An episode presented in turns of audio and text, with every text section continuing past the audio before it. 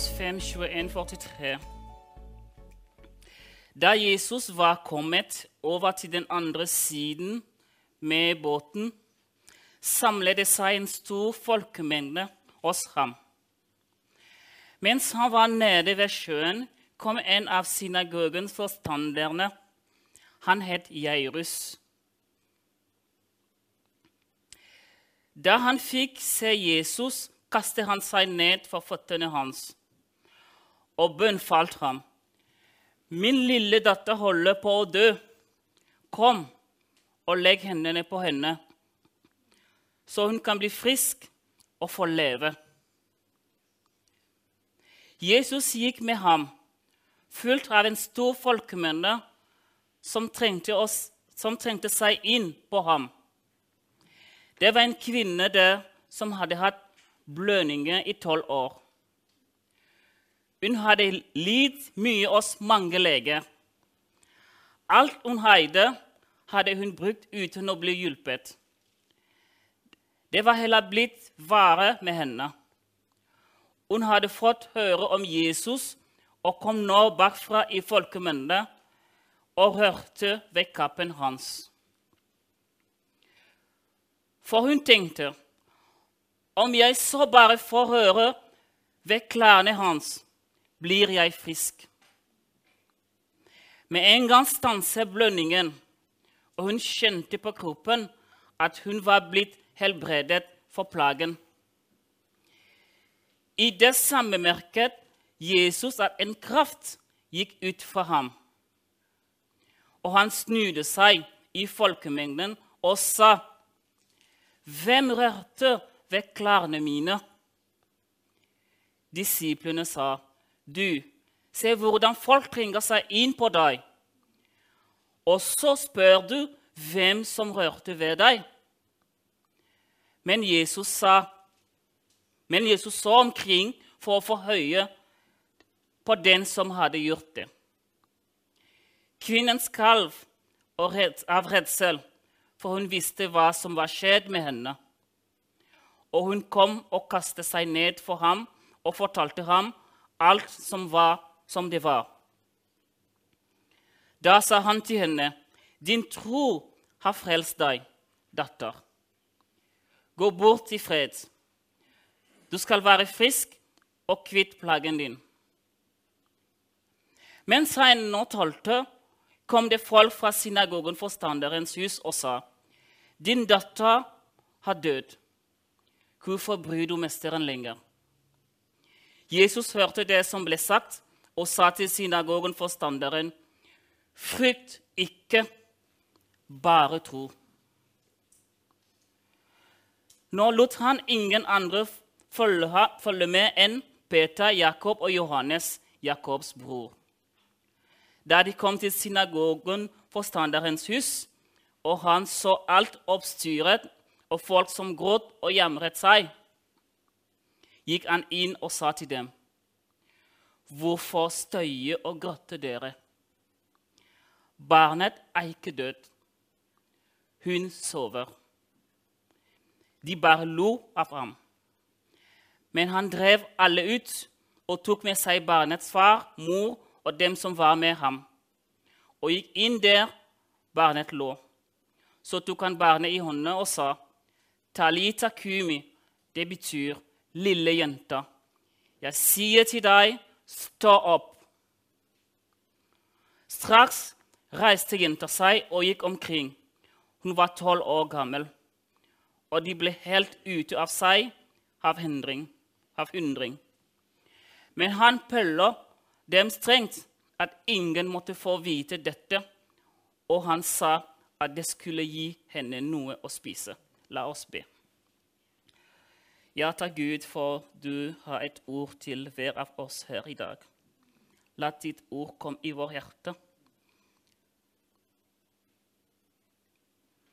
La din vilje skje. Jeg samler her i Jesu navn. Jesus, si noen til oss i dag. Bruk min munn, Gud. Det er ikke jeg men jeg vil bare være en vessel som du skal bruke i dag. I Jesu navn. Amen. Så jeg ble spurt av Magnus i mai om jeg kunne få lov å være her og si litt fra Gud i dag. Så sa jeg. Men så hadde jeg, så hadde jeg glemt at det var denne søndagen. Så i mitt hode var det vel siste søndag i august. Så jeg ble påminnet av uh, Johannes. Jeg ringte Johannes på fredag. ja. Men jeg har godt forberedt folkene, så det går helt bra. Ja. Ja, takk. Som jeg var på uh, bare litt blikk. Dere har brukt masse tid nå. Så hvis vi går Vi har jo sunget nettopp at vi kan uh, bli med Gud hele dagen. ikke sant? Så det går helt bra. Ta det med ro. Ja, så Jeg var på Kongeparken i går i forbindelse med faderuka. Så jeg var med 18 stykker studenter på Kongeparken. Og så satt vi på en som heter Salvbag. Det er som et tog som går rundt og rundt sånn. Og så når det kommer første runde, og så spør hun som, som jobber der, at om dere vil ha en tur til, så roper de 'En gang til!' så satt to, to, av oss som satt rett de første sånne, ja, De satt foran vogna. Den første. Første. Etter det første runde, når vi kom ut, så spurte vi om vi ville ha det en gang til. Så sa vi ja! og så gikk vi en gang til. Når vi kom, og alle måtte gå ut av nå, også de som var framme, ble helt fast. Så sa hun nei, de skal få lov å gå med de så, med neste folk, med neste gruppe, fordi hun klarer ikke å ta dem av. Så fikk de en gang til, en gang til, en gang til, og det ble en gang til, en gang til. Og til slutt klarte de. Og så, og så var vi sånn OK. Ja, stakkars folkens. Ja, nei. Så i dag så skal vi gå gjennom uh, dette, denne teksten som vi har lest. Som vi skal gå gjennom sammen og så si hva Gud har å si med denne hendelsen her. Så denne hendelsen skjedde ca. 2000 år tilbake. Men i dag jeg vil at det skal bli levende for oss. La oss si det skjer akkurat nå. Du må ha det på bildet. ikke sant? Vi har det i denne folkemengden sammen med de. Og tenk hva som skjer der.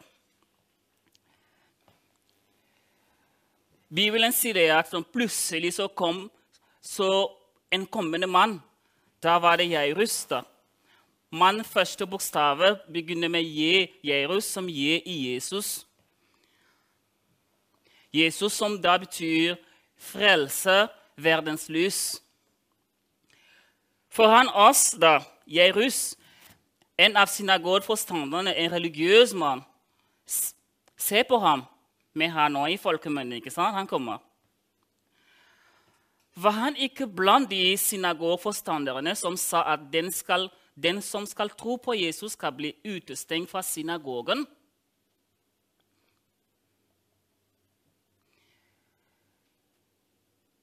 Det skal vi ikke lese. Det står på Johannes 9, 22 og Johannes 12, 42. Vi skal lese det. Så Disse tekstene oppsummert sier at den som bekjente at Jesus var Messias, skulle utestes av synagogen. Utestes av synagogen. Derfor ble denne folkemengden overrasket når de så Jairus kommende. De var sjokkert.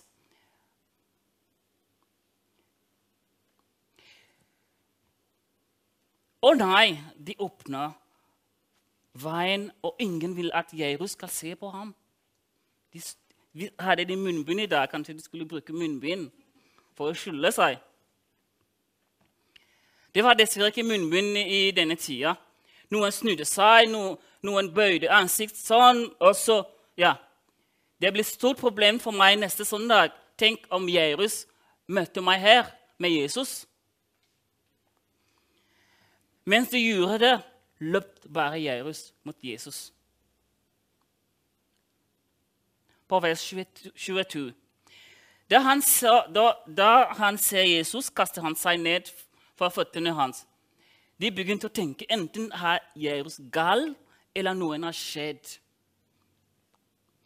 Jesus stod, og Jairus var på føttene hans. Verden lys.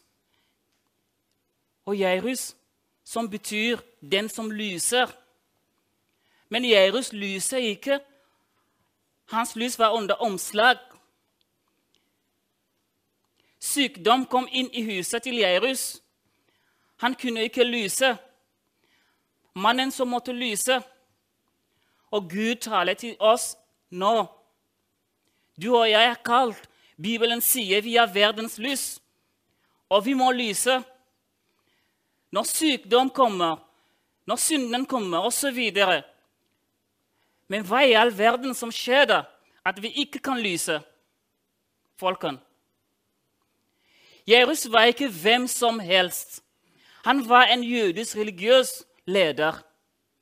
Han var den som skulle lyse, og Gud kalte han til dette. Han gjorde ikke det. Hva med oss, da? Lyser vi folk rundt oss? Når Herren sier vi har verdens lys, men ingen ser på det lyset. Tvert imot blir vi overfalt. Jesus vederlig sier, 'Den som følger meg, kommer i fellesskap med meg, vil også være tent'. Hva skal Jairus gjøre her? Han hadde ikke noe andre alternativ. Jesus var i byen. Hjemme hos ham Jairus' datter er alvorlig syke. Alt tyder på at hun skal dø.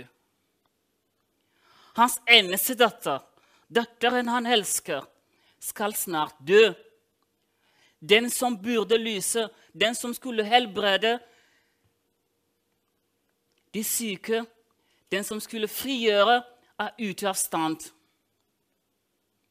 Kona sikkert har sagt, 'Jairus, min mann, la oss snakke nå.'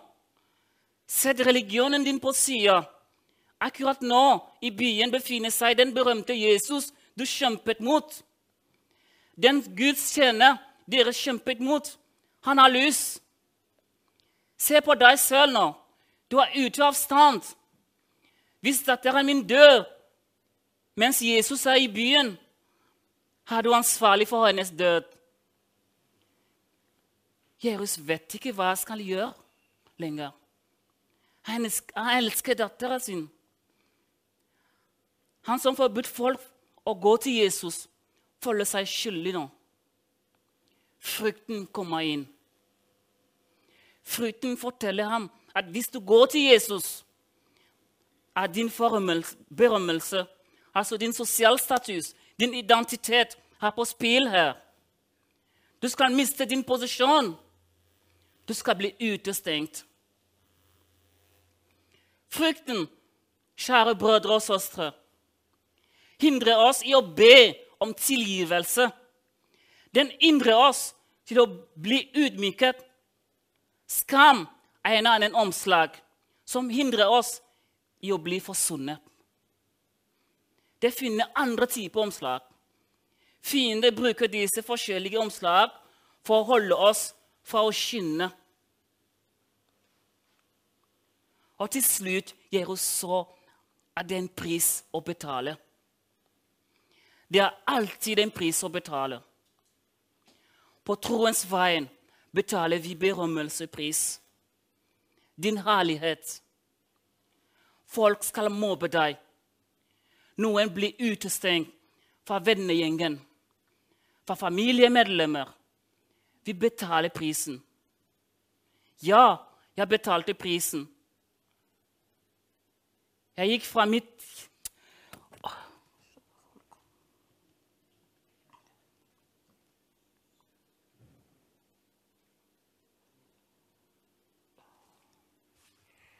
Det går bra.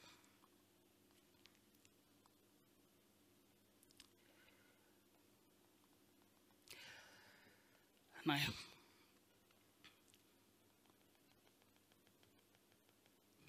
Det er lenge siden nå. sånn. Det er lenge siden nå. Jeg har ikke sett min mor. Oh. Det er lenge siden! Det er lenge siden!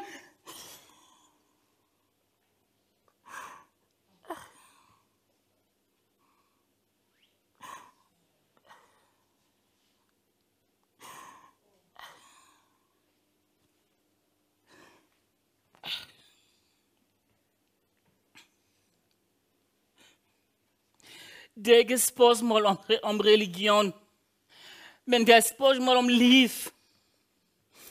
Jeg gikk til Jesus, jeg gikk til Jesus som Jairus.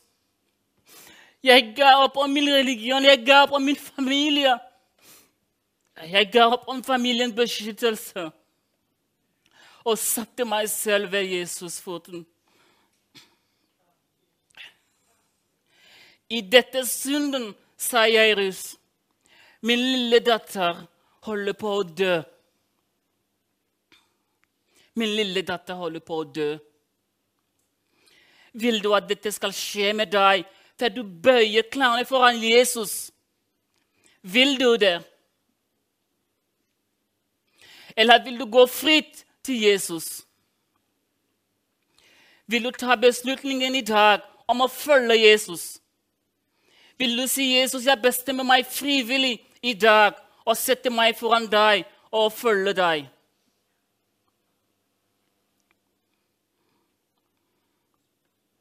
Hva skal Jerus gjøre da? Jo, han skal be. Den dypeste bønnen fra Jerus hjerte. Den viktigste, den enkleste.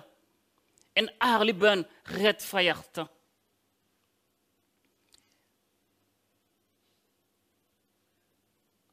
Av kjærligheten han hadde til datteren, skal han nå betale prisen. Jeres tok imot til tross for det som kunne skje med ham, nemlig utestenging. Jerus tror nå at Jesus virkelig er den han sier han er. Han erkjenner Jesus, han tror på ham. Han kaster han seg ned for føttene hans. Jerus er ydmyk. Foran dette folkemengden ble han ikke redd. Han er ikke redd for folks meninger. Han bryr seg ikke om disse tingene. Jesus har bestemt seg for å ha fred i hjemmet sitt. Han har bestemt seg å ha fred i familien sin.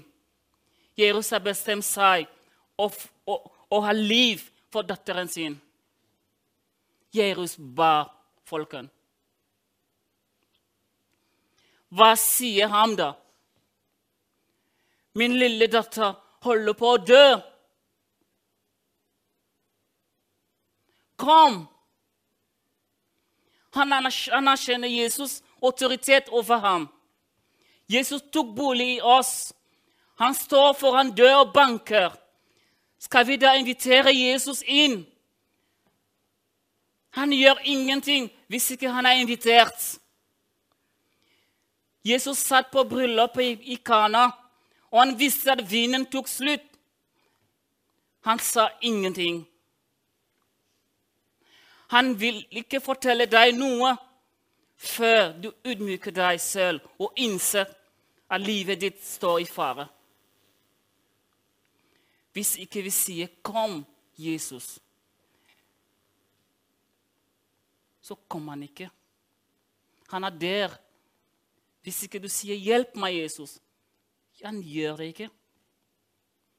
Han vil bli invitert. Han sier 'Jeg står på dør, og jeg banker'. Han er ikke en diktatør. Hadde Gud blitt en diktatør, så skulle, så, så skulle, vi alle fungere som roboter. Men han lar alle fri å bestemme over sitt eget liv. Jeg også har fortsatt på kne. Kom og legg hendene på henne. Til og med Jerus visste om håndpåleggelse. Vi bekjemper deg, Jesus, men vi, vi, vi, vi vet din tjeneste. Nikodemus sa at vi ser hvordan Gud jobber med deg. De kjempet mot Jesus, men samtidig lytter de på ham. Hvorfor skal Jesus legge hendene sine på Jerus datter, så hun kan bli frisk og få leve. For en tro. En forandring i Jairus forståelse av livet. Da Jairus forlot sonen med hatt og ubevissthet, gikk han innenfor bevissthetens sonen. Jesus gikk med ham, vers 24, fulgt av en stor folkemenne som trengte seg inn på ham. Nå skal Jairus følge Jesus på troens vei. Kjære Jairus. Mitt ord forbringer, frembringer tro, og jeg har troens vei. Vil du nå målet ditt? Vil du komme til rette sted? Følg meg bare, sier Jesus. Har du bønneemne i ditt hjerte? Be. Les Guds ord, og Den hellige hånd skal vise deg vei, eller rett vei, da, og det rette ting å gjøre.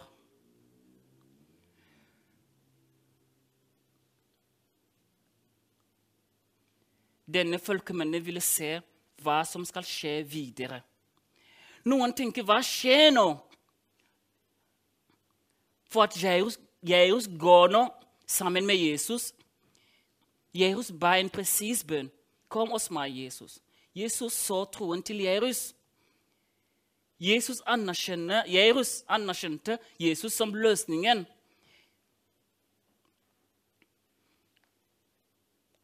Og hva skjer da på troens vei? For det første er troens vei ikke en vei uten hindringer. Jesus' nærvær forhindrer ikke disse hindringene, men gjør en forskjell. I starten av stien var Jairus veldig fornøyd. Mens de var på veien, kom en tredje, en tredje person på scenen. Fokus ble det satt på denne personen. Det var ei kvinne. Dette scenarioet kommer vi tilbake snart mot slutten. Hun stoppa hele toget som var ditt mot Jerus hus. På troens vei vil et hinder vise seg for å teste din tro. På troens vei vil du møte situasjoner som er verre enn din. Situasjoner som gjør deg til å glemme ditt eget problem for å ta vare på den andre. Ei kvinne kommer, og hun stopper hele toget. da. Jesus sa ikke 'Hei, du, kan du være så snill?' Jesus skal behandle saken min først, og så kommer han tilbake til deg etterpå. Nei. Jesus gjorde ikke det. Hun dame var også på veien til å dø.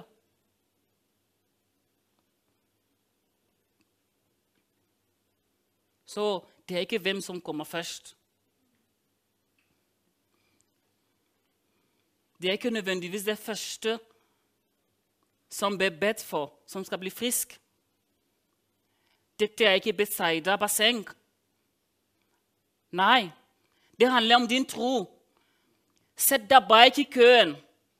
Så lenge du tror på at Gud svarer på bønn i sin vilje og i sin tid, har du ingenting å bekymre deg over. Jesus sa ingenting. Jesus tok seg av kvinnens problem først, før han fortsatte sin vei med Jairus. Vers 33. Kvinnens kall var redsel, for hun visste hva som var skjedd med henne. Og hun kom og kastet seg ned for ham og fortalte ham alt som det var. Da sa han til henne, 'Din tro har frelst deg. Datter, gå bort i fred.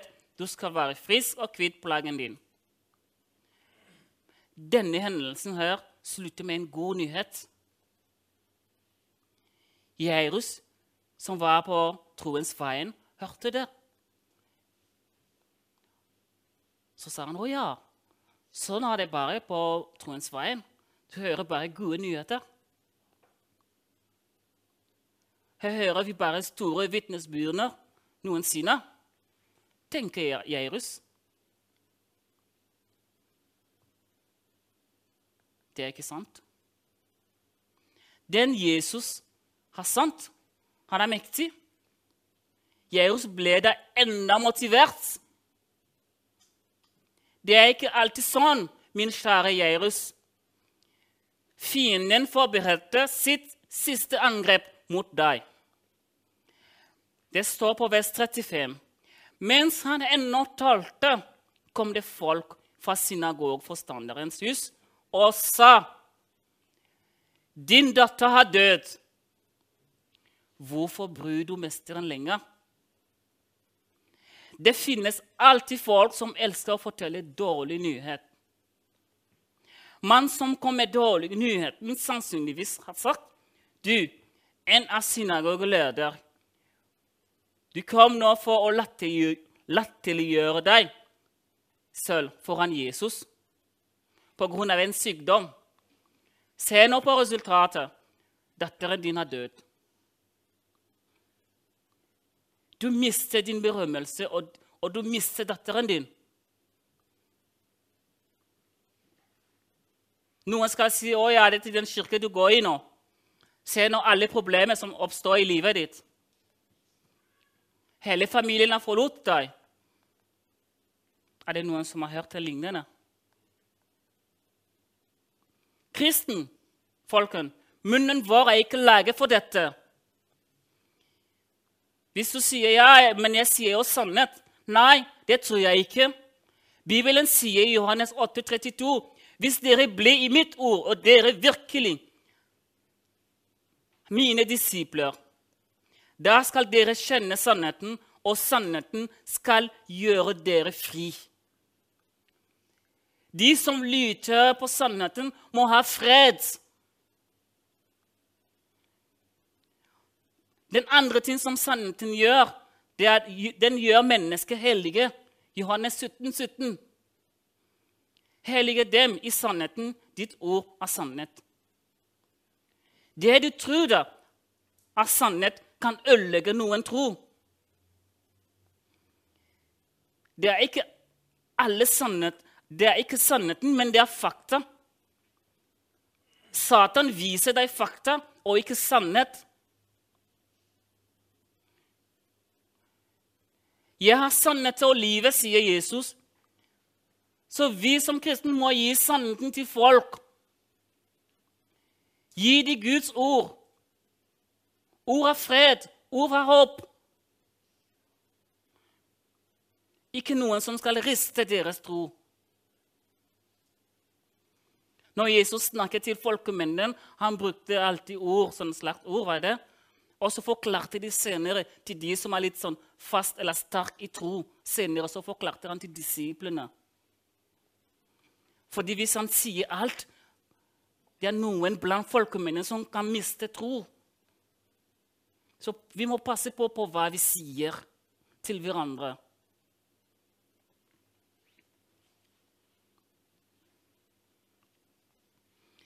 Mens han ennå talte, kom det folk fra synagogeforstanderens hus og sa, 'Din datter har dødd. Hvorfor bryr du mesteren lenger?'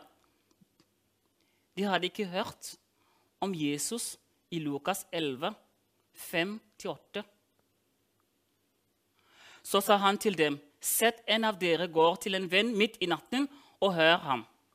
Og ber ham, 'Kjære, lån meg tre brød, en venn som har på reise.' har kommet til meg, og jeg har ikke noen å by ham. Tror dere da vil svare der innenfra? Ikke forstyrr meg. Døren er alt stengt, og både barna og jeg er i seng. Jeg har ikke stå opp og gi deg noen. Nei, sier jeg dere. Om han ikke står opp og gir ham det for vennskaps skyld, vil han i alle fall gjøre det fordi han er så pågående, og gi ham alt han trenger. Det, de skulle jo vise, De som kom med nyheten at datteren var død, skulle jo vise at den forstyrrelsen de mener Jesus holder på med, er rett ting å gjøre i det tidspunktet. Forstyrrelsen er en god ting når det gjelder bønn. Vi har jo nettopp hatt bønnelister her som står på Betel søndag etter søndag. Vi går gjennom igjen om igjen om igjen.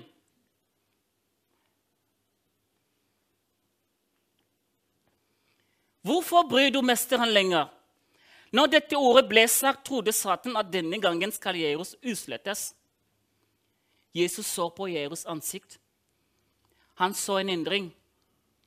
Det er normalt. Du har på troens veien. Ebreerne brevet 11,1 sier troen er en pant på det vi håper, et bevis for det vi ikke ser. Jerus hadde håp for Jesus skulle redde datteren sin. Men det folk fra synagogforstanderen hun sa, tok håpet vekk. Den ble vasket opp. Og hvor skal håpet stå, da? Dette er problemet for mange kristne som har på troens vei. De hører ting når deres tro er ikke ennå fast. Og disse tingene de hører, tar bort den lille troen de allerede hadde på dem. Min bror, min søstre, la oss være forsiktige med det vi sier. En bror eller en søster som ennå ikke har fast i troen, kan miste troen pga. oss. På samme måte vi, vi beskytter våre små unge ved å passe på at de ikke skal høre ting som skal bli vanskelig for dem å bære, må vi også beskytte hverandre for ikke bli en snubestein for vår neste.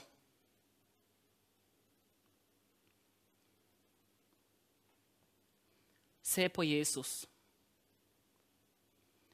den uforanderlige. Han som ingen negative ord kan forandre.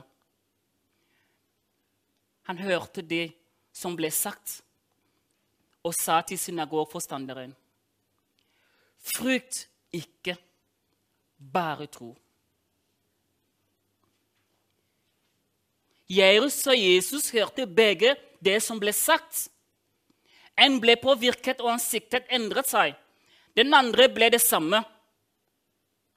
Uansett hva du hører, er det en lege som har sagt til deg at du har nettopp fått kreft?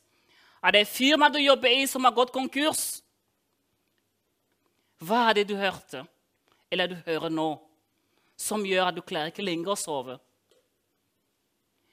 Jesus, Gud, Jesus, som bor i meg og i deg, Den hellige hånd, hørte og hører de samme tingene. Og samtidig sier de til oss frykt ikke bare tro.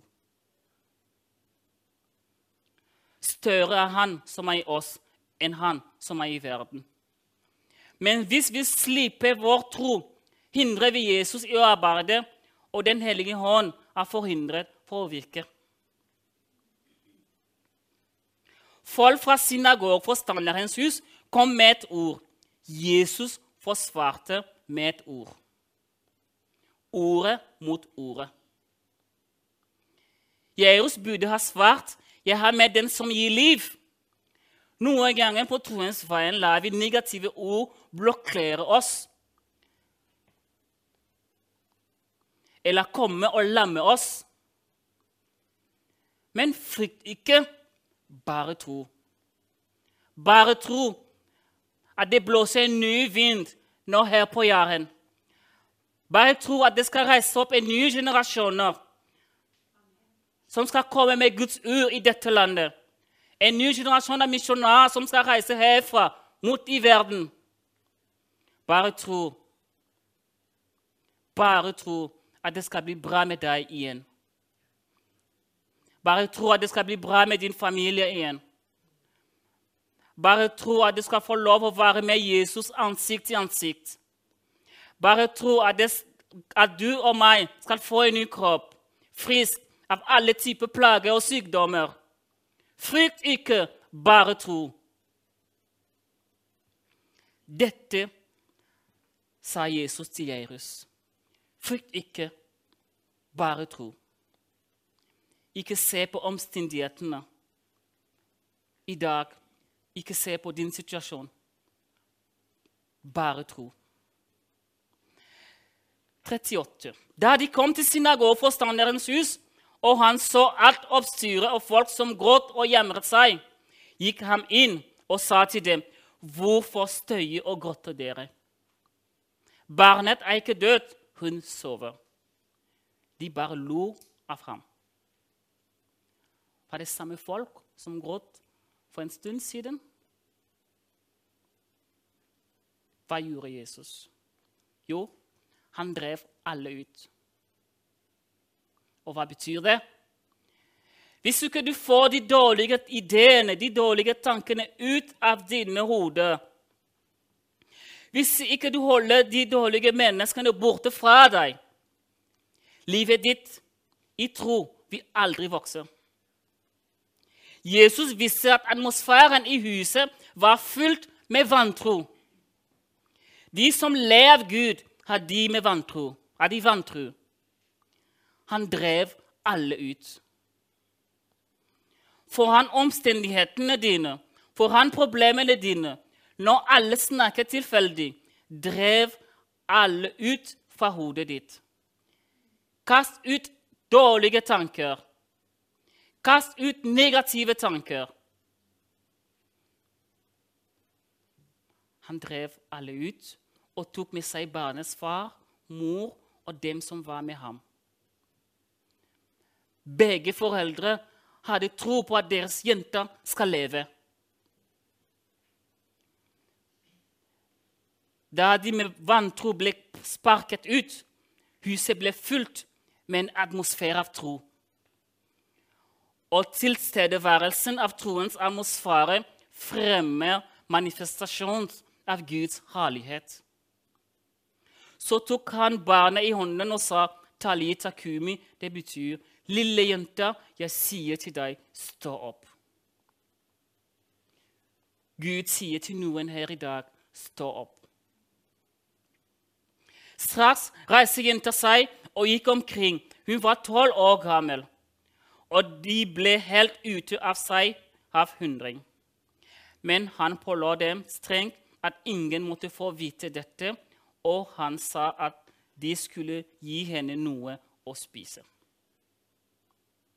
La oss nå avslutte med denne damen som stoppa Jesus på veien mens han dro oss Jerus. Jesus underviste til Jerus hva som trengs når de var på veien. Den kvinnen som rørte ved Jesus' kappe, hadde ikke blitt undervist. Det lille hun, hun lærte, gjorde hun, her, gjorde hun det i praksis. På slutten av denne gudstjenesten vil du vite om du har som Jerus eller du har som denne kvinnen. Det var en kvinne der som hadde hatt blødninger i tolv år. Hun var på veien til å dø. Mister du blod, mister du livet. For livet er i blod. For Jairus datter var hendelsen helt nytt. Men her ble vi presentert ei kvinne som er på veien til å dø i tolv år. Hun hadde lidd mye hos mange leger. Og den legesaken vil jeg ikke ta i dag. De har masse ting å behandle på nå i disse koronatider. Jo, fordi det så i Bibelen at hun Alt hun eide, hadde hun brukt uten å bli hjulpet. Hun hadde fått høre om Jesus og kom nå bakfra i folkemennene og rørte ved kappen hans. Kvinnen fikk troen på at det hun hadde fått høre om Jesus. Romerbrevet 10, 17, så kommer da troen av det budskapet en hører. Og budskapet kommer av Kristi ord. Hun har hørt om Moses, hun har hørt om Elia, men hennes situasjon må behandles nå, mens Jesus er til stede. Hun hadde fått høre om Jesus. Alt er i ham. Hebredelse, frelse osv. Hun har aldri sett Jesus før. Vi har hørt om Jesus' verk på korset. Vi hører på ham i dag. Vi leser sitt ord på Bibelen. Vanlige mennesker fortalte denne kvinnen om Jesus. Og det frigjorde hennes tro. Hvorfor skal det være vanskelig for oss i dag å forsterke vår tro når vi lytter til vanlige folk som snakker om Jesus? Hun hadde fått høre om Jesus. Hvis det min nabo fortalte meg hvis, den, hvis denne Jesus virkelig er det de sier han er, siden han passerer forbi, skal jeg gå dit. Vers 28. For hun tenkte om jeg så bare får røre ved klærne hans, blir jeg frisk. Hun hadde tro. Hun bestemte seg for hvordan hun skulle bli helbredet. Hun mette tankegangen med positive ideer. Hennes tro ga en gustig atmosfære for Den hellige hånd for å åpenbare seg for henne og fortelle henne hva hun skulle gjøre. Ei kvinne som tilhørte ingen menighet eller synagogen. Hun hadde bare fått høre om Jesus. Om jeg får bare høre om Jesus i dag, blir jeg frisk. Om jeg får bare høre om Jesus i dag, blir det bra med min familie. Om jeg får bare høre om Jesus i dag, blir det bra med dette landet. Om jeg får høre bare om Jesus i dag, blir det bra med meg.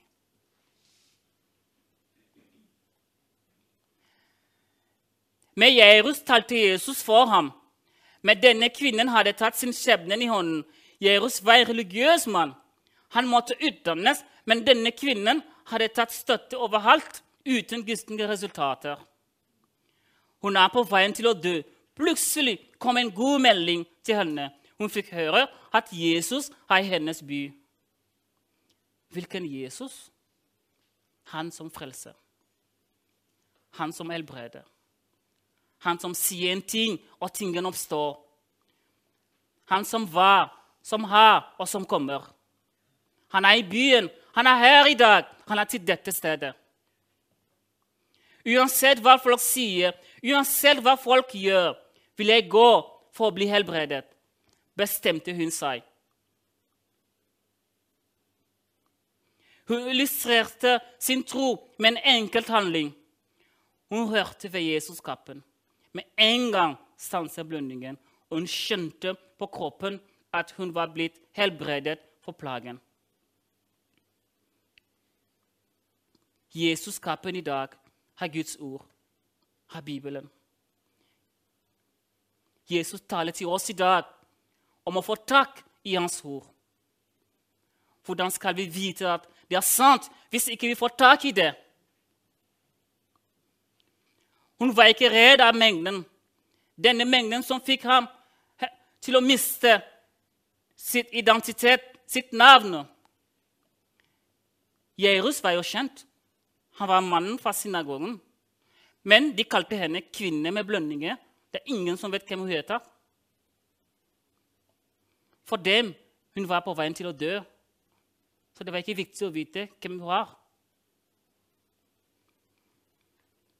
Men hun bestemte seg å leve for å gå til ham som gir livet. På troens vei må vi være tålmodige. På, troens vei må man være bestemt. På troens vei tar vi ikke hensyn til håndere. På troens vei tar vi hensyn til det vi sier og gjør. På troens vei gir vi hele vår tillit til Gud og til Hans ord. På troens vei er det noen som kommer fordi situasjonen deres for øyeblikket er utenfor deres kontroll. På troens vei er det noen som kommer bevisst. Vil du velge å komme til Jesus i dag? Eller kommer du til å vente på at det oppstår en situasjon som er utenfor din kontroll? Frykt ikke. Bare tro. Det skal bli bra med deg, og Gud velsigne deg. Amen.